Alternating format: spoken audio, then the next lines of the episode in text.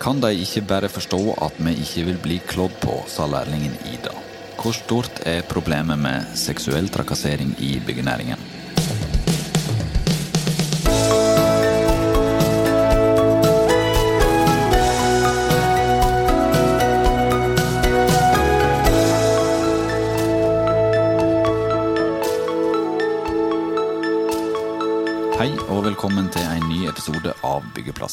Nylig kunne byggeindustrien og bygg.no fortelle om 21 år gamle Ida som er lærling i byggebransjen. Ofte når vi hører om lærlinger i byggenæringen, så er det gladsakene som blir løfta fram. Men dette var alt annet enn ei gladsak. I løpet av tre år så har Ida opplevd at kollegaer tar på henne, de kaller henne en madrass, og de danner sirkler rundt henne utenfor kvinnegarderoben. I dag skal vi snakke om seksuell trakassering og hvordan det er å være kvinne i en mannsdominert bransje. Og med oss som gjester har vi styreleder i Entreprenørforeninga bygg og anlegg og konsernsjef i Bakkegruppen, Eirik Gjelsvik, og organisasjonssjef i Mesta og leder i mangfoldsnettverket Diversitas, Meta Marie Leonardsen. Og jeg heter Frode Aga, og stemmer du nå hørte, det var min gode kollega Svanhild Blakstad. Men før vi får inn gjestene våre, så skal en annen god kollega, Stefan Offergård, fortelle oss litt mer om Ida og historien hun fortalte om hvordan det var å være ung jente og lærling på norske byggeplasser. Stefan, hva var det Ida fortalte deg? Ida forteller om starten av lærlingperioden sin, da hun jobbet på et byggeprosjekt i Oslo. Eh, bare få dager etter at hun begynte, eh, startet en av de andre arbeiderne eh, å trakassere henne. Han var også en lærling. Første gang var de alene i et rom i underetasjen. Han presset seg mellom bena hennes og kilte henne og tok på henne. Etter denne episoden tok han henne på rumpa ved to anledninger, selv med mange andre til stede. I tillegg sa han høyt til de andre at nå vet dere hvem dere kan gå til, hun der ligger med alle. Ja, og hva var det som skjedde da? Altså, da meldte hun ifra, da. Eh, men da følte hun at bedriften ikke tok eh, saken seriøst. Og de så på henne som et problem fordi hun sa fra. Ida sier bedriften ikke vil eh, garantere at hun ikke kommer til å jobbe på samme prosjekt som han igjen. Og da vil ikke Ida jobbe der mer. Men Ida jobber fortsatt i byggenæringen. og eh, hva var det så, hun, hun fikk vel en ny lærlingplass, gjorde hun ikke det? Jo, men uh, også der um, har hun hatt negative opplevelser på byggeplass. Arbeidere har gnikket seg inn til henne når hun har jobbet bøyd i gangene. Hun ble ikke tatt hensyn til da hun klagde over at det var åpent mellom herregarderoben og spiserommet. Eh, og den siste hendelsen innebar at eh, flere arbeidere dannet en sirkel foran kvinnegarderoben. Eh, de ville ikke flytte seg, og hun måtte presse seg forbi dem. Det syns de visst var veldig morsomt. da. Ja, det her har jo vært en av de sakene som har skapt desidert mest engasjement blant leserne i byggeindustrien og på bygg.no i år. Kan du Stefan, si noe om hvilke reaksjoner som kom i kjølvannet av den første saken om Ida? Ja, Saken har vekket mange reaksjoner, både i sosiale medier og i innboksen til byggeindustrien. Ehm, likestillingsminister Abid Raja har bl.a. skrytt av at Ida tar et oppgjør med trakasseringen, og oppfordrer flere til å gjøre det samme. Og så har vi fått et leserinnlegg fra noen som forteller om andre historier. Ja, det var en 26-åring som fortalte om eh, både verbal trakassering og at hun eh, generelt føler seg lite verdsatt i jobben. Da. Og det kommer mer. Mm. Vi jobber med en ny sak nå hvor tre jenter forteller om sine opplevelser. Og hva slags tiltak de mener at næringen burde gjøre. Da. Eh, de forteller også om hvorfor de likevel ønsker å fortsette i byggenæringen, og hva de, hva de liker med jobbene sine. Ja, konsernsjef i Bakkegruppen Eirik Gjelsvik, velkommen til oss. Du har nå hørt eh, Stefan fortelle om Ida, og du har som så mange andre i næringen lest den saken der hun gir et lite innblikk i hvordan hennes hverdag har vært som lærling. Hva var det som gjorde inntrykk da du leste den saken? Da jeg leste den, så var jeg både trist og opprørt. Um, trist fordi dette er så alvorlig, og at det har pågått over så lang tid. Um, og i nyere tid. Det hadde jeg ikke trodd. Um, opprørt fordi at som sagt at det har pågått over lang tid, og at ingen har gjort noe med det. At ingen har tatt tak, ikke ledere har tatt tak, og at det har fått lov til å pågå over lang tid. Så jeg syns det er trist og en opprører meg-saken. Men eh, så skal jeg også si at dessverre så kom det kanskje ikke som en overraskelse, eh, sett i lys av de utfordringene jeg har sett for bransjen. I begynnelsen av to, 2019 Gjelsvik, så sto jo du på scenen på et BNL-seminar om kvinner i byggenæringa, og da uttalte du følgende Det hersker en utpreget mannskultur som medfører at mange av våre kvinnelige kolleger ikke trives. Dette ble en av de mest leste sakene på bygg.no i fjor. Kan du utdype hva du mente med det utsagnet? Bakgrunnen for det utsagnet var at jeg hadde hatt en samtale med et utvalg av våre kvinner i, Bakke. Samtidig som jeg hadde snakket med flere andre i næringen, eh, både ledere og eh, på, på, ulike nivåer av både konkurrenter og underentreprenører.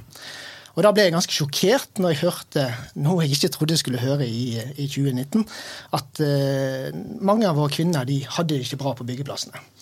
Eh, både i forhold til seksuell trakassering, hersketeknikk, eh, gammeldags eh, kjønnsrollemønster osv.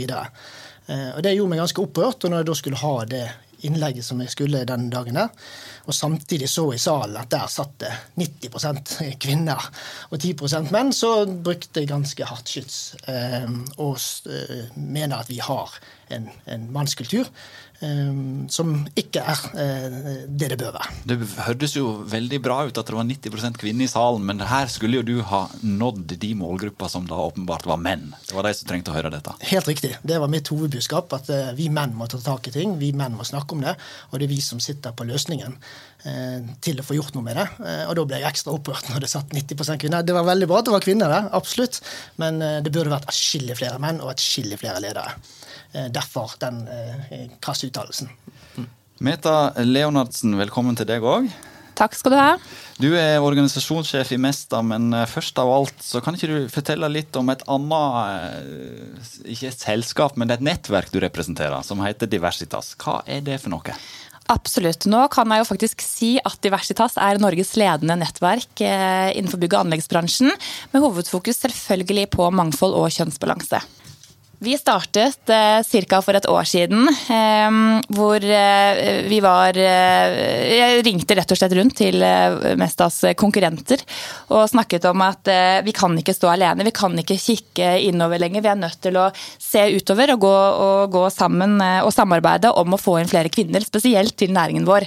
Og, og, det har vi klart å få til. Og nå har vi både et styre og også et advisory board der hvor Eirik også sitter muligheter. Eh, og det er ikke tvil om at dette her er veldig viktig, og spesielt også i lys av denne Ida-saken som vi snakker om nå. Da har jeg lyst til å spørre deg, for Eirik fikk spørsmålet hva han eh, tenkte da han leste den saken. og eh, Det samme spørsmålet må du få. Ja, litt sånn som Eirik sa, så ble jeg også trist og lei meg, fordi dette her er jo absolutt ikke bra på vegne av bransjen vår. Det, det viktige arbeidet vi gjør i Diversitas, det er jo å, å, skal snakke vår bransje opp og sørge for at den eh, blir mer attraktiv, at vi får flere kvinner til å jobbe her. Og også selvfølgelig drive med en, en holdningsendring internt i bransjen. Eh, og, og det, er, eh, det er utrolig tøft gjort av Ida å stå frem med den saken her. Og jeg er ikke tvil om at det finnes dessverre flere situasjoner som Ida. Mm. Ja, for Ida er ikke alene om å ha opplevd dette, tror du. Hvor, hvor store mørketallene her? Kan det si noe om, om det? Jeg kan jo ikke trekke frem noen uh, tall på dette her, men uh, det er definitivt flere uh, som Ida rundt omkring i både små og også store virksomheter. Og det som er flott, er jo det at nå begynner det å bli et rom for å si ifra og, og, snakke om dette her og fortelle. Uh, og så skal vi hjelpe til med å, å være på en måte et sånt uh, ledd hvor du kan komme og, og, fortelle hvis du har noe, og så få, få en støtte og få litt veiledning til hvordan du kan gå frem. da. Mm. Du Erik, du sa det innledningsvis at du hadde snakka med kvinner i din organisasjon. Så da vet du kanskje om noen. Ida, du da, hva var det de fortalte deg? Altså den, eh, Nå syns jo Ida er, er grovt, da. Eh, de kom nok ikke med så grove. Men de fleste hadde vært utsatt for eh, ja, slengbemerkninger, som jeg sa, hersketeknikk, gammeltmodig kjønnsrollemønster. Og det var for meg overraskende. At vi så at de fleste sa det. Samtidig også var det et, med referanse til at vi, at vi ikke har snakket mye om det, så, så tror jeg mange kvinner sier at dette tåler jeg. Dette er greit. Altså, det, jeg jobber jo i en mannsdominert, dette her må jeg bare tåle. Dette, det er ikke så farlig. Og det er kanskje litt av feilen. At, at, at vi tillater at det skjer, og at man ikke har skapt en, en, kultur for å diskutere dette her. Fordi når du setter deg ned med dem og prater med dem, så kommer det frem. Eh, og da er, det noe galt med hvordan vi eh, tar imot det budskapet. Eh, det har ikke vært kultur, tror jeg, for å diskutere det. Og har, alt har gått på menns premisser, og kvinner tilpasset til det. Og det syns jeg er en av utfordringene. Mm. Absolutt, jeg er helt enig. Og så tenker jeg Det er så mye som skjer ubevisst, som ikke vi er klar over. Og nettopp dette her med, med de her eh, unge jentene som jobber i bransjen vår, som sier det at du må være en guttejente for, eksempel, for å jobbe her.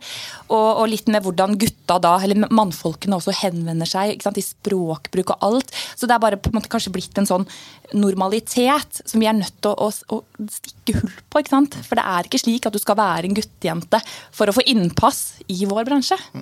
Mm. Nei, Det bekrefter jo også fra Ida-saken. Hun sier jo det samme. Nå må du ikke være så hyggelig. Altså, det kommer jo da til og med fra sine kvinnelige medarbeidere. som sier det, nå må ikke du være så oppfordrer du til noe. Så det er jo snudd fullstendig på hodet. Eh, og det gjør meg trist òg, at ikke vi tar tak i sånne ting og la den at, at kvinner må tilpasse seg. Du må være guttejente. Det er helt feil, altså. Der kan vi ikke være i 2020. Mm. Mm. Eh, Eirik, da du tok opp den problemstillinga her for det blir ett og et halvt år siden nå, da, da du sto opp hos BNL, så var det jo helt tydelig på at det er et klart lederansvar for å endre på den kulturen her. Eller ukultur, kan vi vel egentlig si. Eh, hva har skjedd eh, siden den gangen? Jeg får jo snakke eh, først for min egen del av min egen organisasjon, og så kan jeg snakke litt for EBA. For det første så tror jeg det er blitt en større bevissthet. Jeg synes Det gjøres masse bra arbeid blant eh, bedriftene i forhold til rekruttering av kvinner, i forhold til å ha mål for å få økt eh, kvinneandelen og mangfold generelt. Det gjøres mye bra. Og vi har etablert Diversitas. Så jeg syns det gjøres mye bra.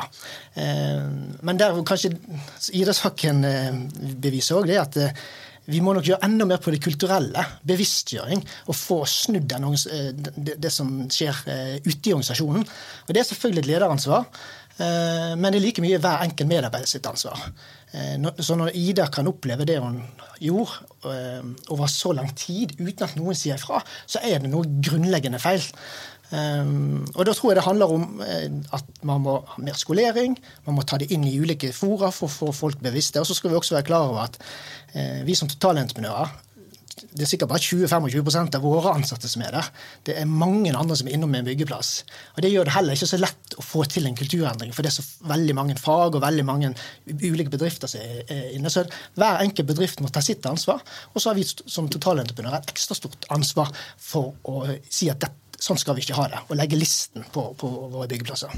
Meta, du eh, nikker entusiastisk her nå, åpenbart enig i det som Eirik sier? Absolutt. Også noe som traff meg eh, med Ida-saken, var nettopp det her med som vi også ser tenderer sant, i, i, eh, barneskoler og ungdomsskoler, hvor det er mobbing og trakassering. Det vi gjør ofte, er at vi flytter bytter det svakeste leddet. Vi, bytter, vi, setter det inn i en annen klasse, vi bytter skole. Vi, vi, tar ikke i rotårsaken godt nok. Og Det er jo akkurat dette her eh, som skjer med Ida. Hva er det bedriften gjør? Jo, de flytter Ida til en annen avdeling.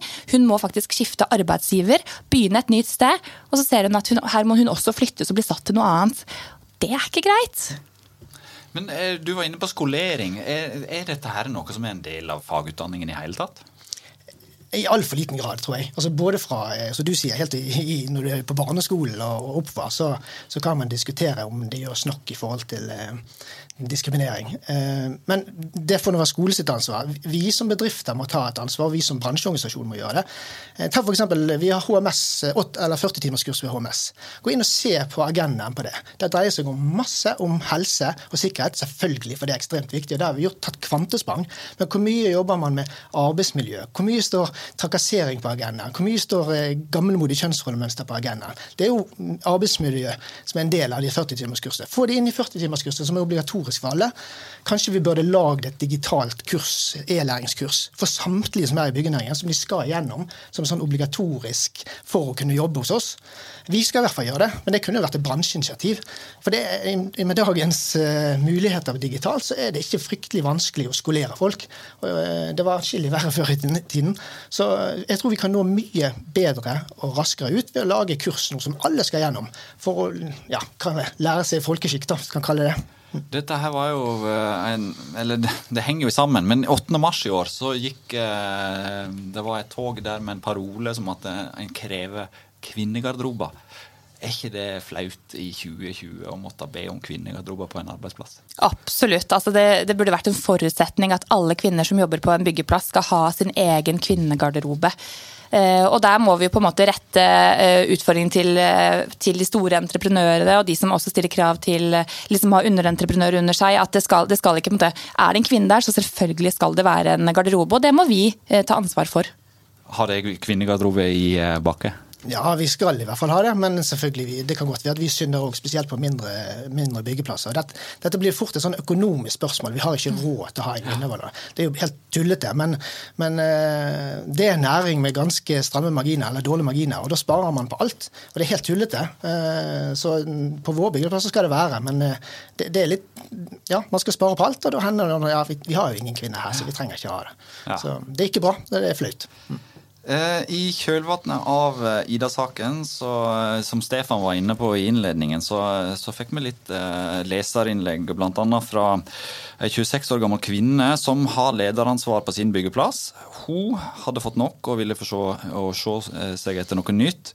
Hun var lei av kommentarer av seksuell, seksuell karakter, men hun følte seg oversett av f.eks. en konsernsjef som hadde vært på besøk og bare sett rett over henne. Eh, hvordan eh, holdning eh, gir det, hvis, den, hvis, det er sånn en møter kvinner på, på brakka? Er det et problem i bransjen at en rett og slett overser kvinner? Jeg håper jo ikke det. altså Nå, nå håper ikke jeg at jeg var den konsernsjefen for alt i verden. I så tilfelle så Ja, nei, men det, um, det er jo ikke bra at man opplever det. Um, og jeg for min del syns det ikke det er sånn. Altså Kvinnene i vår organisasjon trives bedre enn menn det tyder jo på at de blir, er synlige og blir ivaretatt. Um, og det hører jeg jo for andre selskap òg. Ehm, men uh, ja, jeg leste det, jeg, det som sto der, og eh, det er jo ikke bra. Og vi må være bevisste hver eneste dag at ikke det skal være den type forskjellsbehandling. Mm. Ja. Jeg har også bare lyst til å kommentere at i Mesta, der hvor jeg jobber, så har vi jobbet svært hardt det siste året på å øke andelen kvinner, også spesielt i toppledergruppen. Vi har en kvinnelig administrerende direktør som også har en bakgrunn fra en annen bransje. Eh, jeg føler at det ofte har vært slik at skal du jobbe i bygge- og anleggsbransjen, så skal du også ha erfaring herfra. Men, men, det kan jeg virkelig avmystifisere. At det trenger du absolutt ikke å ha. Og vi har også fått inn eh, flere i toppledergruppen. Og jeg tenker at det er så viktig at det starter der. ikke sant? Og så må det gjennomsyres nedover i organisasjonen. Så for hun her, eh, prosjektlederen, eller hva, hun, hva hennes rolle var, så, så, er det leit, ikke sant. Men, men, jeg tenker at da skal vi bygge henne opp og, og hjelpe henne med de verktøyene hun trenger for å, å bli møtt. da. Mm. Ja, Meta tar den tråden der. Det er jo veldig få kvinner som er toppledere i entreprenørselskaper. Eh, og, og du jobber jo med mangfold, men hva er årsaken tror du, til at, til at det er sånn i, i byggenæringa? Det er jo mange toppledere ellers rundt omkring i andre bransjer. Mm. Ja, Det er et veldig godt spørsmål. Jeg husker veldig godt da vi satt i, i, rekrutteringsfasen før vi fikk inn. Det var jo mange spørsmål som kom. Hvem kan den neste eh, mannen være? ikke sant? For det finnes jo ingen kvinner på det nivået der. Og allerede der tenker jeg at, eh, at eh, vi har en utfordring ikke sant? med at det, hvorfor skal vi ikke ha det? Og her vil jeg jo rette Ofte er det jo hodejegere og store rekrutteringsselskaper som har ansvaret for å rekruttere inn til nettopp de til stillingene. Eh, og de har et stort ansvar på å, å utfordre selskapene tilbake igjen. Eh, og selvfølgelig styret har en, en, et ansvar der, da. For selvfølgelig finnes det ufattelig mange dyktige kvinner på det nivået. Vi er bare nødt til å finne de og ja. Det som utmerka seg litt med denne saken, i hvert fall for meg når jeg leste det var jo at den som trakasserer her, er en lærling sjøl òg. Det er du, I sånne saker så håper du ofte at det er litt framtidshåp, og at uh, den unge generasjonen skal, skal gjøre noe bedre. hva sier det om denne saken, at det er en lærling som gjør det? Er det helt tilfeldig? Ja, jeg, tror, jeg tror ikke Det gjenspeiler vel bare samfunnet. Det, det, kan skje blant de unge som det kan skje blant de eldre. Eh, så jeg tror det er kanskje litt tilfeldig. Men, men kanskje at man allerede tilbake på fagskolen ikke gjør nok i forhold til bevisstgjøring rundt eh, kvinner og hvordan man skal oppføre seg, rett og slett. Kanskje det, det, det er jo mye menn på, på, på fagskolen òg, at man allerede der begynner å dyrke den mannskulturen. Kanskje skole og fagskole må være enda mer bevisst på dette. Eh, jeg vet ikke om de gjør det, men eh, det kan kanskje tyde på det, at ikke de gjør det. Uh, og brakkekulturen er jo mannsdominert. Uh, og vi har i mange år hørt om disse kalenderne som henger ute på brakkene. Noen entreprenører har gått ut offentlig og tatt et oppgjør med dem, AF-gruppen bl.a. Uh, er de fortsatt der ute? Det, det, er en stor og mangfoldig bransje, dette her, med store og små entreprenører. sånne enkle grep som å fjerne kalenderne, er ikke det noe som en bør gjøre? Jo, absolutt. Det, eh, men du vil nok sikkert kunne se det en eller annen plass eh, fremdeles. Men eh, jeg tror at de aller fleste av de bedriftene jeg kjenner, har tatt tak i det. Og det er en sånn no-brainer. Det er enkelt å fikse. Men du, du viser holdningen. Det er et tydelig signal. Definitivt. Sant? Så det er bare til å gjøre. Men som du òg sier, det er en, en veldig det er, en, det er en stor bransje. Det er en fragmentert bransje. Det er mange bedrifter. Det er mye, altså det, Vi har vel 60, eh, ja, nesten 30 utenlandsk arbeidskraft òg, med sin kultur. Mm. Så, så, det er mange utfordringer oppi dette her. Um, mm. og det, det, er litt uh, vanskelig liksom, for, for alle med. Mm. mm. Og der har jeg bare så lyst til å komplementere deg, Eirik, med at eh, dette handler om kvinner, eh, men det handler også om noe mer. Det er det her mangfoldsperspektivet, og, og det er vi nødt til å ha i bevisstheten vår eh, hele tiden. Også i forhold til likestilling og inkludering. At vi på en måte påser at, at vi også eh, snakker om eh, det litt bredere, ikke kun kvinnene. Definitivt. sant? Du har både mm. ulike kultur, mm. religion, seksuell legning mm. osv. Så, videre. så Så kvinner er en side av det. Og kanskje den viktigste akkurat nå, men det er mange andre aspekter i det òg. Mm. Men Hvordan tar en tak i de utfordringene der? da? Det er et stort, stort spørsmål. det det er vel noen sånne ting som det jobber med Det jobber ikke bare med kvinner i, i Diversitas? Absolutt, og, og, og, vi er absolutt heller ikke et kvinnenettverk. Det er veldig viktig å få synliggjort det, at dette her er et nettverk for mangfold. Og så er det, eh, det er 8% kvinner i næringen vår. 2% av de er fagarbeidere. Så det er så klart veldig enkelt å starte med at vi, vi må få opp kvinneandelen. Ehm, så, så, nå jobber vi med å sette konkrete tiltak og strategi på det. Og så er det jo også mangfoldsbiten, ikke sant. Eh, sånn at ehm, Eh, det er, eh, det er eh, holdt jeg på å si, både òg. Men hvis du ser noe da, ute på byggeplass, nå så vi at det var tatt lite tak i Ida sitt tilfelle. Men du som kollega møter på noen som opplever noe, eller om du ser noe konkret som skjer, hva skal du gjøre? Du skal, altså, det er litt avhengig av hvilken posisjon du har. da. Er du leder, så må du ta tak i det der og da. Hvis du ikke er det, så må du varsle. Enten alle bedrifter skal ha et varslings Eh, rutiner og hvordan det skal håndteres. Og det kan jo både gjøres til nærmeste leder, helst. Eh, og hvis ikke det hjelper, mot formodning, så skal man ha egne eh, kanaler å varsle inn mot som skal ta tak i det. Så dette finnes jo det Alle bedrifter skal ha rutiner for det. Så det, det, det finnes det rutiner for. Men det enkleste er jo at det blir tatt tak i det der og da hos den enkelte medarbeider og kollega. At vi klarer å skape en kultur for at noen sier dette her er ikke greit. Det du sa nå eller gjorde nå er ikke greit, og det skjer. Du tar det der og da. Hvis vi kommer dit, så har vi kommet langt. For da tror du får endringen raskt. Mm. Vær så snill å være den kollegaen for alle dere som hører på dette her eh, der ute. Stopp det, si ifra. Ikke, ikke, ikke, vær en av gruppen da, som, som, er med på det her. Så jeg tenker at det må skje der ute. Vi, vi klarer ikke å kontrollere alt som skjer, men, eh, men eh, vær så snill å, å være et godt forbilde og en rollemodell til alle dine kollegaer. I Ida sitt tilfelle så ble hun sett på som problemet. Er det noe som eh, er gjengs der ute? At eh, den som blir Eller overgriperen går fri, da. Dette her er jo typisk når vi snakker om minoritetsgrupper. Eh, og også litt som, som jeg nevnte innledningsvis i forbindelse med mobbing helt ned i, i eh, barneskole og ungdomsskole. At vi flytter på eh, problembarnet ikke sant? istedenfor å faktisk ta den som blir mobbet eller trakassert eller diskriminert som eh, Idas eh, situasjon. Så, så, jeg tenker at vi som arbeidsgiver eh, og, og, ledelsen har et utrolig eh, stort ansvar eh, i å ikke bare flytte Ida, men faktisk jobbe med det og slå ned på det. Jeg vet hvert fall eh, Hvis det skjer i Mesta, så skal ikke de bare få lov til å, så, å gå, gå, fri. Eh, da er vi nødt til å sette inn en sak og ta de, for det er helt uakseptabelt. Så tror ikke det er så smart det man ofte gjør, eller jeg ser man gjør. La oss si at du har fem kvinner i en så du, setter du de fem kvinnene på fem forskjellige byggeplasser. Da gjør de til, Du marginaliserer de veldig. Da er det kanskje bedre å ta tre på én byggeplass og to på én byggeplass, for da får du et kollegium. Da får du et sterkere samhold mellom de, så gjør det enklere for dem, for da er de i samme situasjon. Um, så, så, det er kanskje en tabbe man har Vi har i hvert fall gjort den tabben enkelte ganger, at vi eh, har plassert de rundt omkring. Og det, det, tror jeg er dumt. Jeg tror det er bedre å sette de sammen uh, for å få et sterkere kollegium, og ikke gjøre disse til den veldig lille minoriteten. Mm. Mm. Hva håper det denne saken fører til? Kan den føre til noe? Ja, absolutt. Eh, jeg syns jo at vi har snakket litt for lite om dette. Eh, noen har tatt opp på talerstolen, og vi har snakket om det. Men, men, det har vært relativt stille. Det er et par eksempler vi har sett i, i, i, i mediebildet innenfor byggenæringen. Men vi er jo ikke så dumme at vi tror at ikke det har skjedd.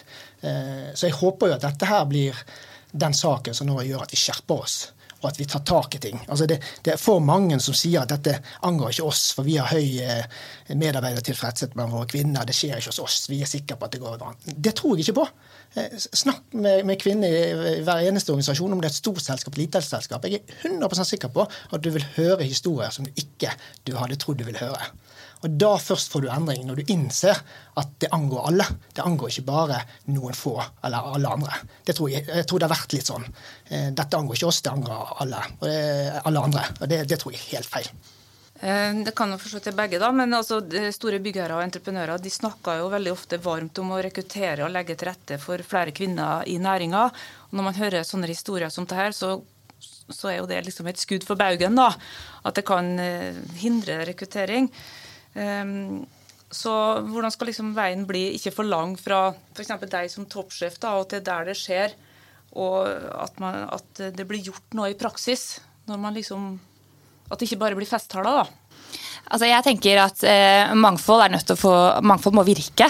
Én ting er å, å, rekruttere de inn, men så er det på en måte den viktigste jobben vi gjør, er jo når vi først har fått de, fått de inn. Og der er det jo litt sånn som jeg bryr meg. Hos oss i Mesta så har vi Jeg bryr meg på alle hjelmene, for vi vil at alle skal komme trygge og sikre hjem.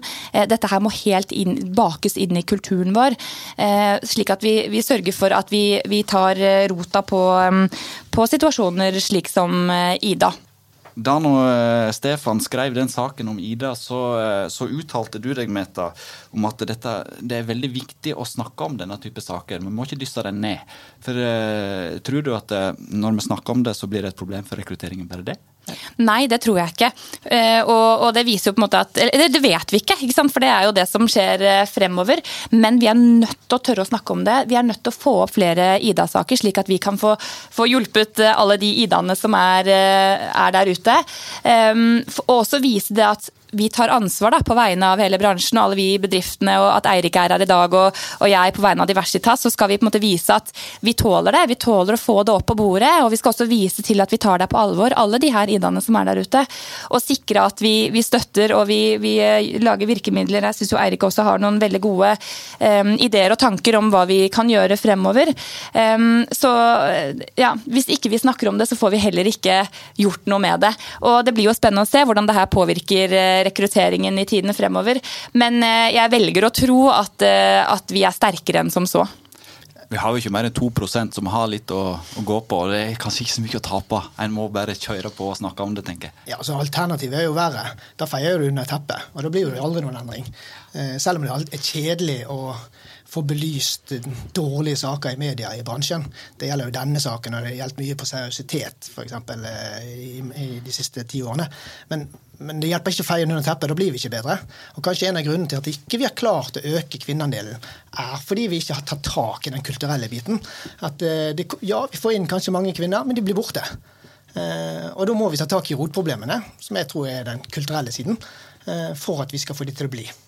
Var du inne på en ting i stad som jeg syns er en stor utfordring for bransjen. Det er at den er fragmentert. og Hvordan i all verden skal du som leder sørge for at dine underentreprenører har den riktige kulturen? Nei, Det er vanskelig.